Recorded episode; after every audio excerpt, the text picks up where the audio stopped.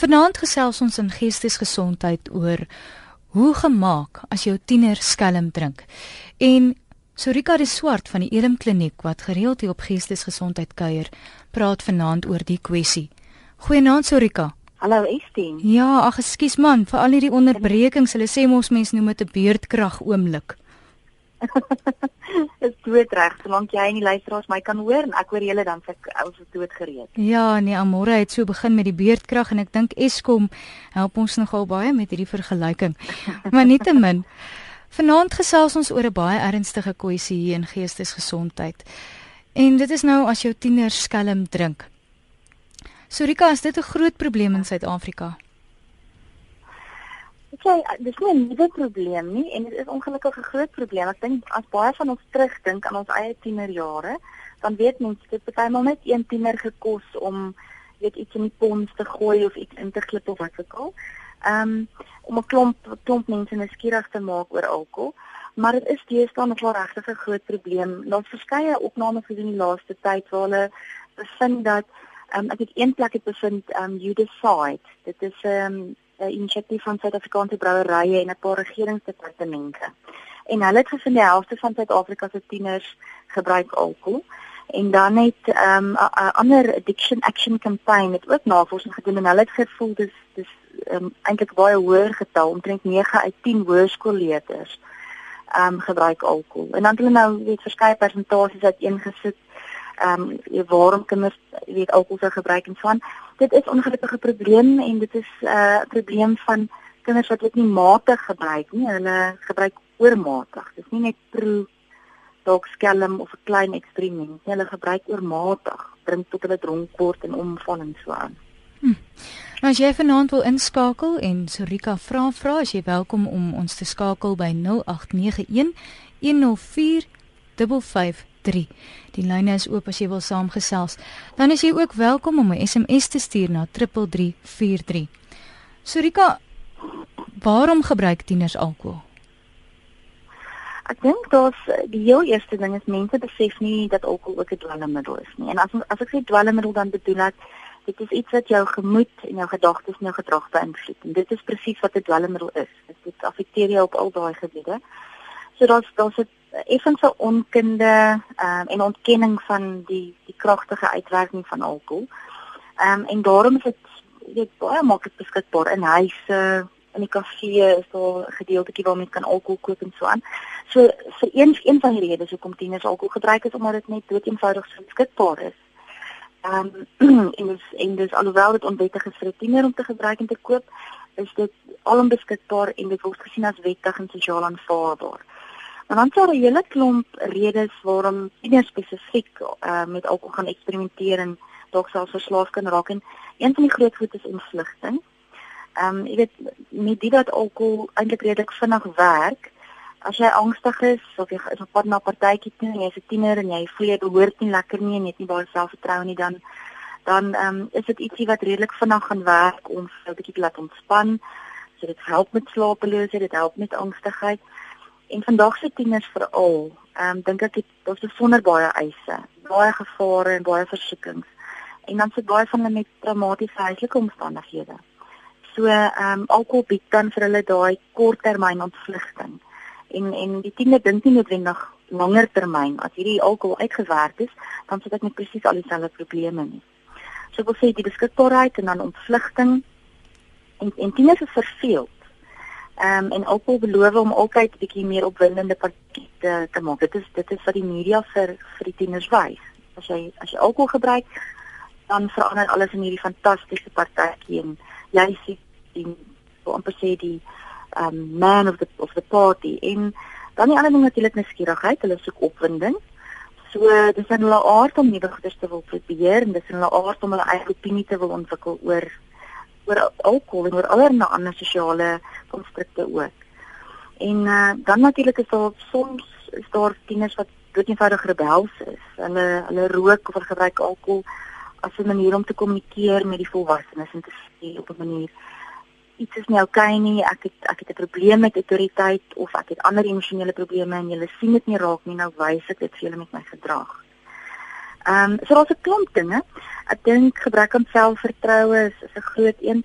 Groepsdruk is ook 'n groot een. Ehm um, en en tieners sê ook dat weet jy dit is regtig moeilik om te behoort in elk geval.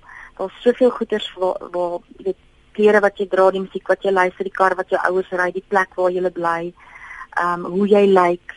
Daar's soveel goeders wat dit moeilik maak om in te pas. Hmm. dat om nie te rook nie of nie te drink nie is net nog 'n ding. Hier's iemand wil ek net miskien praat hmm. van voorbeeld. Skus, skus, ek kan ek net vinnig sê. Ja, seker. Baie van die navorsingsstukke sê een van die grootste redes waarom tieners alkohol gebruik en en misbruik is omdat hulle spesifieke voorbeeld sien in hulle families. Nie noodwendig by die huis nie, miskien by familiepartytjies of wat ook al. So hulle hulle leer nie ehm um, hulle sien 'n voorbeeld van verantwoordelike alkoholgebruik nie in baie in baie omstandighede. So dit vorm 'n bose kringloop op die einde van die dag. Absoluut, absoluut. Hier is nou 'n inbeller, kom ons hoor gou-gou. Geestesgesondheid? O, oh, okay, hulle sê maar weer probeer. Surika, is iemand wat my ge-SMS het. Hulle sê ek's anoniem, my seun is 23 jaar en sy's 'n uh, 3 jaar lange vriende van my. Hulle is almal in goeie beroepe en hulle rook dagga. Ek het hom verskeie kere al aangepraat en hy sê egter dit as hy nie dagga rook nie, sou al lank al selfmoord gepleeg het en hy's 'n introwert. Gelukkig is nie een van hulle drinkers nie. Um nou alkohol en en dwelmgebruik loop baie na verwant in mekaar. Dis dis definitief so. Soos ek net nou gesê het, mense dink dat alkohol ehm um, iets is om te drink net. Mense dink nie daaraan as 'n dwelmmiddel nie. Dis 'n dwelmmiddel. Dit is 'n middel wat jou pyn verdoof, jou fisiese pyn jou emosionele pyn. En ek dink as ek na die luisteraar, nee, dit is baie baie hartseer om te moet dink 'n jong man van 23 voel dat hy nodig het om dagga te rook. Ehm um, om aan die lewe te bly, jy weet om die lewe te te oorleef. Die dilemma daarvan is dat daai jong man gaan moet aanhou dagga rook om om die lewe te oorleef of daarmee te te cope. En op 'n stadium is dagga dood eenvoudig net nie meer genoeg nie. Weet ek weet daar's mense wat vir jare dieselfde hoeveelheid dagga kan rook en en so meer, maar wat wat mense nie besef nie is gestel jy's depressief byvoorbeeld en jy gebruik dan alkohol om jou depressie te help. Alkohol is 'n depressant. Dit onderdruk jou sentrale senuweestelsel, jou kardiovaskulêre stelsel ensovoorts. En 'n ander ding wat dit doen is dit veroorsaak depressie sonder twyfel. So mense is geneig om in hierdie ding te beland waar jy's angstig of jy kan nie slaap nie of jy weet jy jy voel depressief, dan drink jy ietsie om te ontspan of om te slaap en dan raak jy meer depressief en hoe meer depressief jy raak, hoe meer alkohol gebruik jy of of jy gryp dan na ander middels soos dagga of medikasie of wat ook al. Ons kyk. Hoe se kringloop. Dit is absoluut. Kom ons kyk of ons hom nou in die hande kan kry. Geestesgesondheid. Ai, weet jy? Ehm um, nou, wat sê die wet oor alkoholgebruik by tieners? Die die interessante ding is kyk die drankwet ehm um, wat van van die land, nasionale drankwet sê vier baie spesifieke goeders, maar dan is daar verskille in die provinsiale wetgewing. Ek gaan nou vir jou sê hoekom dit belangrik is. Maar die vier, ek dink die vier belangrikste goeders wat ouers en en tieners moet weet is Die eerste ding is algemene kennis. Geen persoon mag alkohol aan 'n persoon onder die ouderdom van 18 jaar verkoop nie. Dis dis jy weet onwettig. Ehm um, maar die wet sê ook baie duidelik, geen persoon mag sterk drank gee of toelaat dat iemand onder die ouderdom van 18 sterk drank gebruik nie, behalwe in klein hoeveelhede en net in die ouer of die vo voogse teenwoordigheid of onder hulle toesig. En en dit is in verskeie provinsies nie die geval nie. So in sekere provinsies sê hulle jy mag vir jou tiener miskien jy weet na hulle 16 jarige ouderdom geleidelik so klein bietjie hier laat proe en miskien 'n halwe glasie wyn op 'n Sondagmiddag om vir hulle te leer van van van 'n wynkultuur eerder as 'n drinkkultuur. Maar daar is 'n uh, provinsies soos in die Wes-Kaap wat wat dit nie regtig ehm um, ek ek is nie 100% seker of daai gedeelte van die wet verander het nie. Mense moet dit asseblief seker maak, maar die aanvanklike wetgewing het verlede jaar gesê um, in 2013 skies April gesê dat jy jy kan nie vir 'n kind onder die ouderdom van 18 byvoorbeeld net klein hoeveelhede gee. Ehm um, om hulle hulle nuuskierigheid te bevredig en hulle net te laat proe dit proe en so nie. Daar's twee ander dinge natuurlik. Ehm um, 'n lisensiehouer van byvoorbeeld 'n restaurant mag glad nie toegaan toegang ekskuus tog toelaat dat iemand onder 18 enige drank op hulle perseel gebruik nie So al gaan eet julle almal by die dros en julle besluit dis Sondagmiddag en jy as ouer besluit nou om 'n klein bietjie alkohol te gee vir jou kind, miskien 'n klein bietjie wyn of wat ook al, dan dan loop daai lisensiehouer gevaar en ehm um, hulle mag ook nie toelaat dat 'n uh, persoon op 'n uh, onder 18 jarige onder 'n op 'n askies tog gelisensieerde perseel wees nie. So daar's redelike sterk ehm um, wetgewing rondom die beskerming van van minderjariges. En dan praat ons nou spesifiek onder 18. Hoekom word dit so ernstig beskou wanneer 'n tiener nou alkohol sou gebruik? Is dit nie net maar dieselfde as jy 'n volwassene is jy en jy misbruik alkohol nie? Dis 'n interessante vraag en en die antwoord is vir tieners is daar baie spesifieke, vir tieners en kinders. Is daar baie spesifieke gevare wat daar nie noodwendig in so 'n mate by volwassenes is nie. So as jy as jy nou baie kyk na ehm um, navorsing dan wat mens weet is dit mense brein ontwikkel nog tot in jou 20er jare, met 20 laat 20. Ehm um, en wanneer jy tiener is en jy begin alkohol of enige ander ehm um, gemoedsveranderende middel gebruik, dan het dit 'n effek op die manier wat die brein ontwikkel. En dit het 'n effek op die manier wat boodskappe of netwerke in jou brein ehm um, ontwikkel. En en dit beteken jy ontwikkel 'n agterstand en dinge kan verkeerd bedraad word en dit is waarvan dwelmmiddels ook. So vir 'n tiener is dit van kardinale belang dat jy nie jou brein, jy weet enige middel toedien wat hierdie proses van groei gaan verander of of uh, inperk of wat ook al nie. Want mens as jy bevoel kyk na twee 15-jariges, een wat geen alkohol gebruik nie en een wat gereeld alkohol gebruik. Nie eers misbruik nie, maar gebruik. En jy kyk na die aktiwiteit op 'n op 'n scan, dan gaan jy sien dat die tiener waar daar baie alkohol gebruik is, is daar baie min breinaktiwiteit. So dis dis nogal eintlik iets wat mense bang maak as jy besef hoe uh, weerloos 'n tiener se brein is. Nou, soos as jy ouer word, het het alkohol ook 'n effek op jou organe. Ehm um, maar in 'n mindere mate en jy het seker goed as dit reeds ontwikkel tot tot volle volwassenheid. Wat nie die geval is by by tieners nie. Dis eintlik skrikwekkend. Ja, ek dink nie mense weet dit nie. Ehm um, en dis hoekom wanneer 'n mens sê, weet jy, my kind is nou 14 of 16 en ek gaan nou vir hom op 'n Sondag sê, "Proe, hier jy, jy kan hier 'n bietjie proe proe rooiwyn en volgende naweek kan jy miskien 'n halwe bier kry of wat ook al." Dan dink ek moet mense dit met baie groot versigtigheid doen. Ehm um, ek myself het byvoorbeeld so groot geword. Ek dink van 16 af het ons eintlik 'n tot glasie wyn gekry op 'n Sondag, so af en toe met 'n spesiale geleentheid. Ehm um, en ek hoop nou nie dit het my brein skade gedoen nie. Ek ek kan nie ek kan nie vir jou sê nie, maar ehm um, wat ek jou kan sê is wat dit wel gedoen het is om my te laat verstaan uh, hoe alkohol proe so toe ek die dag op universiteit kom was dit nie vir my oef nou nou het ek die vryheid om te proe nie. Ehm um, en en die tweede ding is dat 'n mens kon self begin besluit hoe voel jy oor alkoholgebruik en jy kan begin sien hoe lyk dit wanneer mense alkohol verantwoordelik gebruik. En dan kom jy betrou waar mense dit onverantwoordelik gebruik en jy sien die verskil in gedrag. En daai is daai is tog 'n belangrike proses vir 'n tiener om om om sekere dinge te leer, sekere vaardighede aan te leer by die huis. Maar dit is 'n moeilike besluit vir 'n ouer om te neem. Wat is die regte ouderdom? Wat is die regte hoeveelheid?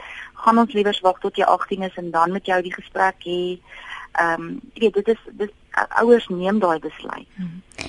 Onthou julle kan SMS by 3343. Daar gaan die persoon weer.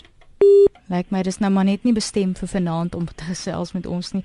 Maar stuur vir my 'n SMS na 3343. Wat is die psigiese en fisiese gevolge behalwe nou ons het gepraat oor die brein se ontwikkeling en hoe dit raak? Ja. Strem dit ander groei ook?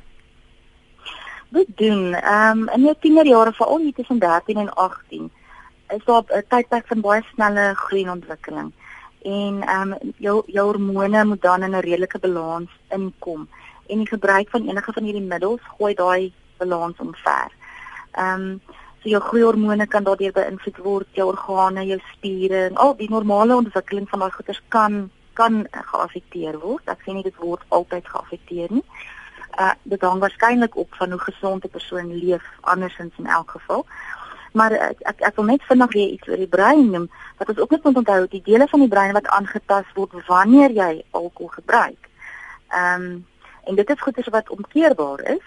So dis vir dit is wanneer jy nou onder die invloed is, daai dele is die dele wat jou selfbeheersing en jou oordeelsvermoë en jou emosionele regulasie, motivering, geheue, vermoë om te leer en te onthou. Daai goeders word eintlik ehm um, wanneer jy onder die invloed van alkohol is, word dit benadeel. Ehm um, so jy kan dink dat 'n tiener wat se oordeelsvermoë onderdruk is en wat sy inhibisies nou verlore is, kan baie maklik seksuele riskante besluite neem. Jy weet, van daar kan jy HIV ehm um, positiewe diagnose kry of of 'n tienerswangerskap. Hmm. Maar as jy kyk na langer termyn gevare, dan dan is daar ongelukkig die probleem van ehm um, ek wil amper sê agterstallige of gebrekkige probleemoplossingsvermoë want as jy gereeld alkohol gebruik, uh vir die selfs die geringste bietjie stres, besluit jy om liewer alkohol of medikasie of wat ook al te gebruik. Dan ontwikkel jy nou nie enige vaardigheid om ehm um, stres te hanteer nie. Jy weet as as dit groot liefdesteleurstelling. Nou is jy met hartseer en teleurgestel en jy twyfel in jouself en iemand sê vir jou, weet jy wat, vat drink 'n dop of of rook 'n sol. Jy weet, vat 'n dag asol. Ehm um, en jy doen dit dan in steede van die emosies deur te werk en te leer om met teleurstelling te werk dan kan dit baie maklik 'n patroon raak. En wanneer jy op die 41 is op 'n dag en jy besef nou jy 'n alkoholprobleem en ons val daai alkohol weg, dan het jy nog steeds die vaardighede van 'n tiener van 14 of 15, soos toe jy die eerste keer daai middel gebruik het. So daar's 'n absolute agterstand in die ontwikkeling van sosiale vaardighede en coping skills en so aan. Ehm um, en dan natuurlik, soos ek gesê het, alkohol is 'n is 'n depressant. So dit kan 'n mens baie depressief maak uh en dan vir mense wat reeds depressief is en selfmoordgedagtes het, is alkohol 'n gevaar. Jy weet want op daai stadium verloor jy ook jou vrees en jou inhibisies en daarom is daar baie maal alkohol ehm um, betrokke by selfmoordpogings. Omdat mense dit gebruik om bietjie van die angs ontslae te raak. Ja, luister, dit is natuurlik 'n verslawing. Ekskuus tog? Daar's 'n klein bietjie van 'n daar's 'n klein bietjie van 'n delay op my foon, so ek dink al ek is klaar dan. Alles reg. Die laaste wat ek net wou sê is dit natuurlik is daar die gevaar van ehm um, verslawing ook. Dis 'n groot gevaar, nê? En en wanneer weet jy jy is verslaaf? Want hier vra iemand nou Hoe oortuig mens iemand wat al van jongs af drink, maar na dekades steeds ontken dat sy die probleem het, dat dit besig is om haar te vernietig? En dit lyk vir die persoon asof ja. dit nou selfs in anoreksia in kan beweeg. Ja. En en wat wat die anoreksia aanbetref, ek dink ek weet nou nie wat die besonderhede rondom dit is nie, maar baie maal vind jy dat iemand wat ernstig alkohol misbruik, aanvanklik tel hulle miskien gewig op want daar's hoë suikerinhoud in die in in die meeste alkohol, maar later eet hulle glad nie meer nie en weet dan verloor hulle baie baie gewig. Ehm um, maar ek dink van die goeders wat 'n mens bekommer is as iemand in die oggend opstaan en hulle is lus, jy weet, vir 'n drankie. Uh of hulle begin vroeg in die dag al. Ehm um, as mens nou spesifiek kyk, ek neem nou aan hierdie is nou 'n volwassene, maar so as jy byvoorbeeld by die werk nie opdaag nie na naweek of ehm um, etenstye vat jy 'n breek omdat jy nodig het om iets te gaan drink of baie maas wat ek sien, ehm um, sal van die werk af ry en op pad om die kinders te gaan haal. Stop hulle eers gou by die drankwinkel om iets te drink om met die kinders te kan kan cope. As mens begin jok oor hoeveel hoeveel alkohol jy gebruik of dit begin wegsteek of jy begin geld gebruik vir alkohol wat jy eintlik nodig het vir ander goed. Weet al daai is is is waarskuwingstekens. As jy spesifiek nou kyk na tieners, dan dan is daar 'n ander klomp goeters waarna jy kyk want hulle werk nou nog nie en hulle is waarskynlik nog nie verslaaf nie. As mens net kyk na 'n tiener wat skelm drink, dan het hulle nou nog nie onttrekkingssimptome nie en hulle drink nog nie hulle regmaak 'n keer in die oggend byvoorbeeld nie. So daar's 'n bietjie ander goeters waarna mens kyk by tieners. Wil jy ek moet dit vir jou noem? Ja, asseblief. Ehm um, ek ek dink die eerste ding wat ons altyd by by enige iemand sê, kinders, volwassenes, tieners as iemand anders optree as voorheen vir geen goeie rede nie. So as er enige verandering in in gedrag of gemoed beteken 'n mens moet ondersoek instel, maar dit kan 'n verskeidenheid van oorsake natuurlik wees, maar dit is die eerste ding wat jy moet bekommer. Met tieners is dit gewoonlik hulle raak geheimsinnig, so waar hulle miskien altyd hulle vriende aan jou voorgestel het en jy geweet het presies waar die tiener heen gaan, raak hulle nou uh weet geheimsinnig oor hulle nuwe maats en Hulle sê hulle gaan hiernatoe, maar hulle gaan eintlik daarna toe. Ehm um, baie maal begin hulle meer opstandig of oneerbiedig teenoor gesag raak. En skool skool bywoning en punte is van die eerste goed wat mense ook na begin kyk. Jy weet, want onthou nou, jou korttermyn en jou langtermyn geheue word geaffekteer, jou motivering om te leer word geaffekteer, so probleme by die skool. En dan die ander ding is tieners wil goed lyk. Hulle wil hulle hare gel en hulle wil lekker ry en hulle wil moderne klere dra. So as 'n tiener begin nie kyk na hulle voorkoms nie, uh of hulle higiëne agteruit gaan, dan moet 'n mens bekommerd wees. Dan jy weet, is dit nou depressie of is dit nou 'n middel wat hulle misbruik, maar daar's iets aan die gang. Uh natuurlik as jy as jou kind van 'n partytjie afkom en hy ruik na alkohol, dan dan het jy 'n klomp vrae wat jy nodig het om te vra. As hulle begin mouthwash gebruik gedurig en vreeslik spuit en vreeslik oogdruppels vir die bloedbelope oë en so aan. So enigiets wat hulle dalk sou wou gebruik om om die alkohol weg te steek. En geld in die huis kan wegraak. Jy weet jy as jy alkohol in die huis aanhou dan gaan jy sien dit raak minder of dit raak weg of dit word verdun met water. Sulke tipe van goeders. Ehm um, as jy dit sien dan dink ek is daar reeds 'n probleem. Jy het nou reeds die waarskuwingstekens genoem. En as 'n luisteraar wat my laat weet het, nou wat van as my kind aan medisyne verslaaf raak, want daar's tog alkohol ook in. En hoe maak jy met iemand wat nou wil ont, ontslaa raak van hierdie verslawing? Ek het net nou nie gehoor nie jy sê medisyne. Ja, want daar's mos ook alkohol in. Ja. In die medikasies, ja. Dit so, is verskillende goeders in medikasie waar mense verslaaf kan raak en en alkohol is een daarvan maar daar's ook kodeïne en dan is daar kafeïne en daar's suiker. Ehm um, so daar's 'n paar goeders wat verslawend is in in baie van die medikasies. So dit hang af van watter tipe medisyne. Ehm um, as dit byvoorbeeld kodeïn bevat, dan is dan is dit baie mal nodig dat die persoon mediese hulp kry om van die verslawing ontslae te raak want kodeïne is verwant aan heroïne. Ehm um, dit is maar deel van dieselfde familieboom. Maar wanneer 'n persoon byvoorbeeld nou ehm um, medikasie gebruik wat alkohol bevat, pynmedikasie het dit baie maal en ehm um, dan is die dilemma ook dis dis dis maar ook 'n verslawing dit is 'n eintlik 'n verslawing wat ook baie toeneem selfs onder tieners. En um, ek wil amper sê eerste plek miskien om te stop is om jou huisdokter te kontak en ehm um, miskien die apteker ook en seker te maak die persoon kan nie oormatig van hierdie medikasie in die hande kry nie. En dan dat, dat jou huisdokter miskien vir jou adviseer of mens dit geleidelik kan los of is dit iets wat mens heeltemal net moet los. Ehm um, ook dalk 'n goeie idee om 'n rehabilitasiesentrum te bel uh of 'n sielkundige of 'n maatskaplike werker iemand te sê wil julle nie net vir ons assessering doen nie dat ons net kan hoor wat is die beste manier om om hierdie medikasie verslawing te stop want soms nodig iemand om opgeneem te word en soms is dit iets wat hulle weet self met die hulp van 'n weet 'n terapeut kan doen as 'n buitepasiënt. Op watter manier kan ouers help? Ek dink die heel eerste ding is die voorbeeld wat jy stel. Ehm um, want dit is soos die tieners sê, dit wat hulle sien is eintlik die enigste manier waarop hulle die wanneer hulle tussen hulle maats is, sien hulle hoe alkohol misbruik word. As alkohol by die huis misbruik word, is daar nog geen manier wat hulle gaan verstaan hoe dit hoe dit gebruik kan word nie. Ehm um, wanneer hulle nou ouer is nie. Ehm um, ek dink ook die ander ding is ouers moet van die begin af baie duidelik wees mense wil baie nou nie oor iets praat nie want jy wil nie hulle nuuskierigheid prikkel nie. Maar ons moet praat met ons kinders oor alkohol en mense moet van die begin af duidelik wees dat enige alkohol wat in die huis is is totaal buite perke vir jou tiener en sy maats. Ehm um, hulle mag nie daaraan vat nie en nooi hulle uit om by jou te kom uitvind oor alkohol as hulle vra jy daaroor en en dan kan jy seker maak dat jy vir die regte inligting gee. En verduidelik vir hulle dat dit 'n dwelmmiddel is jy kry inligting. Ek het uh vroeër vanaand op ons Facebook um en op Elim Kliniek se se webwerf het ek met 'n nuusbrief inligting gesit oor tieners wat alkohol gebruik en moontlike plekke waar mense kan gaan vir hulp. Maar so ek dink daai gesprek en beskikbare inligting wat jy vir tieners gee is baie baie belangrik.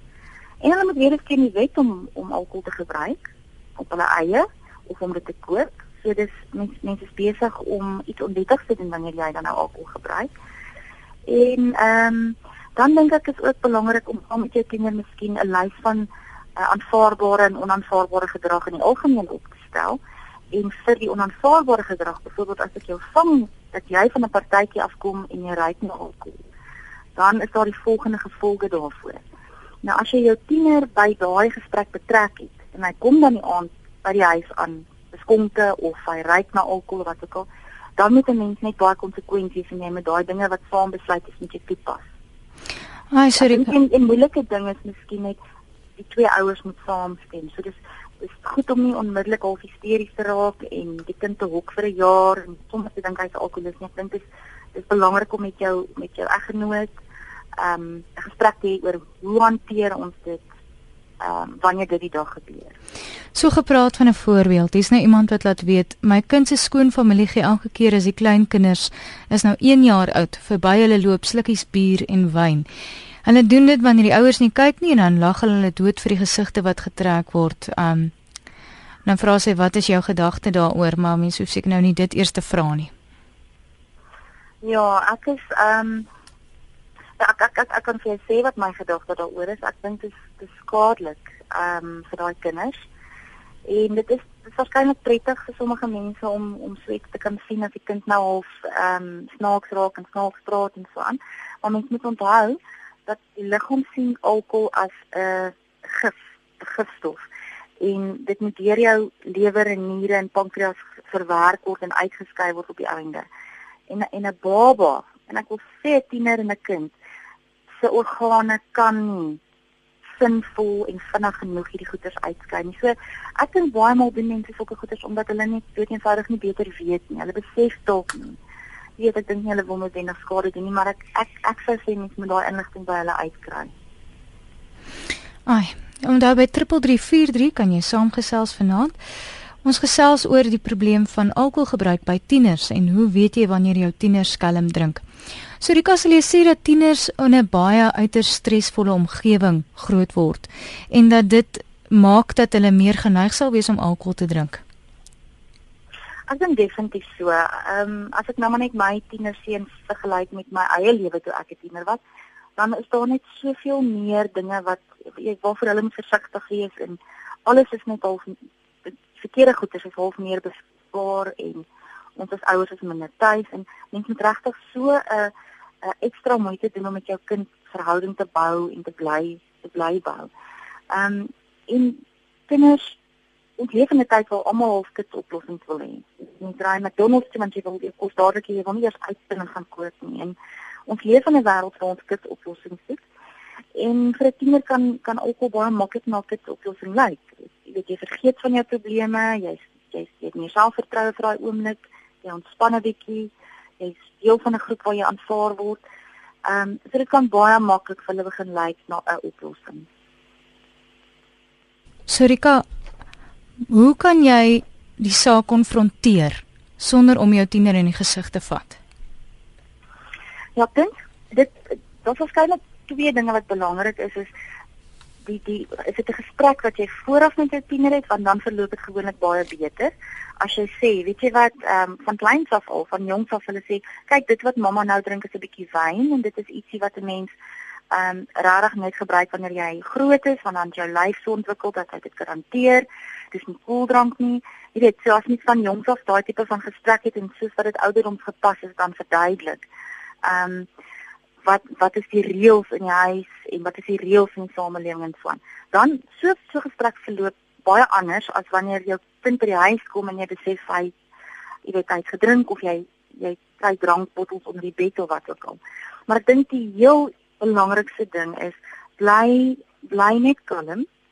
Ehm um, gaan maak seker dat jy met jou huweliksmaat betrek by die gesprek en as dit dan nou beteken dat ons met 'n klein bietjie later gaan gesels om om net eers die gemoedere te kalmeer, dan is dit nie 'n sleg idee nie want jy kan in elk geval met iemand praat wat onder die invloed is nie.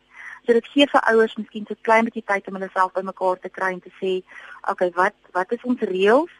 Wat gaan die gevolge wees vir die reëls wat gebreek is? Kom ons hoor net wat is die situasie." Ehm um, dis heeltemal moontlik dat iemand weet 'n borrel ingeglip het en die koeldrank gedokter het of wat ook al. Ehm um, mens mens moet ek dink al die inligting kry. As jy dan nie op die kind skree en daar's 'n bietjie van 'n openheid, dan dink ek is die kans om beter inligting te kry ook goed. So hulle gaan dalk meer eerlik vir jou sê hoe lank hulle al alkohol gebruik en hoeveel alkohol hulle gebruik en hoe hulle dit in die hande kry en so aan. En met daai inligting kan mens dan sê, weet jy hierdie is 'n ernstige probleem of weet jy dis dit was 'n eenmalige voorval en nou moet ons net baie konsekwent wees met die met die gevolge. Die kind moet besef hier is ernstige gevolge hiervoor. Ehm um, en ons moet reëls maak vir indien so iets weer sou gebeur. En ek sal regtig ek sal nie huiwer uh of twee keer dink as dit vir my net lyk dis ernstig of dit net vir my lyk die kind besef nie dat dit 'n probleem is as as as hy alkohol gebruik op hierdie ouderdom. En sal ek nie hywer om professionele hulp te kry nie. Surika, jy laat iemand nou weet verban alle advertensies op TV word drank tussen alle programme gewys oor en oor en dit lyk so lekker. Nou tieners is baie beïnvloedbaar. Met jou ervaring as ja. in in elke dag se werk, watter rol speel reklame in tieners se verslawing? Want dikwels is dit jong mense wat uitgebeeld word in advertensies. Absoluut, en dit is daai tipiese advertensie van mense met geld en met sportmotors en en weet strandhuise en hulle braai vleis weet op die strand en wat so. So dit dit skep 'n valse beeld van sukses en genot en pret en geen gevolge nie. Ehm um, die media is ongelukkig, jy weet, is 'n groot geldmasjien. Hierdie hierdie plekke moet hulle produkte adverteer. Ehm um, ek dink net soos met die advertensies van sigarette, ehm um, word dit beperk sekere ure en en die groot skerm TV en wat ook al. Maar wat hulle nie besef nie is dat as ek gaan ek wil nou nie 'n sepie te naam noem nie, um, want ek is so vertroud met die sepies, maar ek weet as ek nou sit en sepie kyk, hoeveel keer gooi 'n ou vir hom 'n dop as hy net in 'n gesprek tree of net by die huis kom. So dis amper half asof dit maar is hoe dit moet wees. Iemand is werklik baie beïnvloedbaar. Hulle is baie visueel ingestel. So die dinge wat hulle sien het soms 'n groter effek as die dinge wat hulle hoor. En ehm um, daarom is dit belangrik gebruik ook gebruik sosiale media, gebruik ehm um, opvoedkundige video materiaal om om met kinders te praat en ehm um, daar's byvoorbeeld uh is uh, South African for drunk driving so dis S A D D.org.za. Dit is 'n fantastiese uh, webwerf met baie inligting vir tieners. Uh as mense byvoorbeeld op op Elim Kliniek se Facebook gaan het, is daar hmm. baie inligting vir tieners So daar's daar's daar's reg oulike webwerwe daar buite wat spesifiek gefokus is op kinders. So Rika, dit dit is ongelukkig al waarvoor ons kans gaan kry vanaand, maar jy het nou reeds genoem dat tieners waar kan hulle hulp kry? By die Elim Kliniek, weet ek, en julle kontakbesonderhede? Ja, ons neem mense net op van 18 en ouer, maar as jy ons kontak dan kan ons julle verwys na 'n regte uh, geleë plek. Ehm um, ons nommer is 011 975 2951. Ek herhaal hom 011 975 2951 en hulle faksnommer is 0866696304 en julle is geleen Kempton Park. Dit is Sorika de Swart wat vanaand met ons gesels het. Sy is 'n verslawingskonsultant van die Elim Kliniek. Oeps, daar. Groet sy nou. Dankie dat sy met ons gesels het. So julle is welkom om by Elim Kliniek te gesels met probleme. Hulle staan enige tyd welkom om jou te help met raad. Al is dit net om te verwys.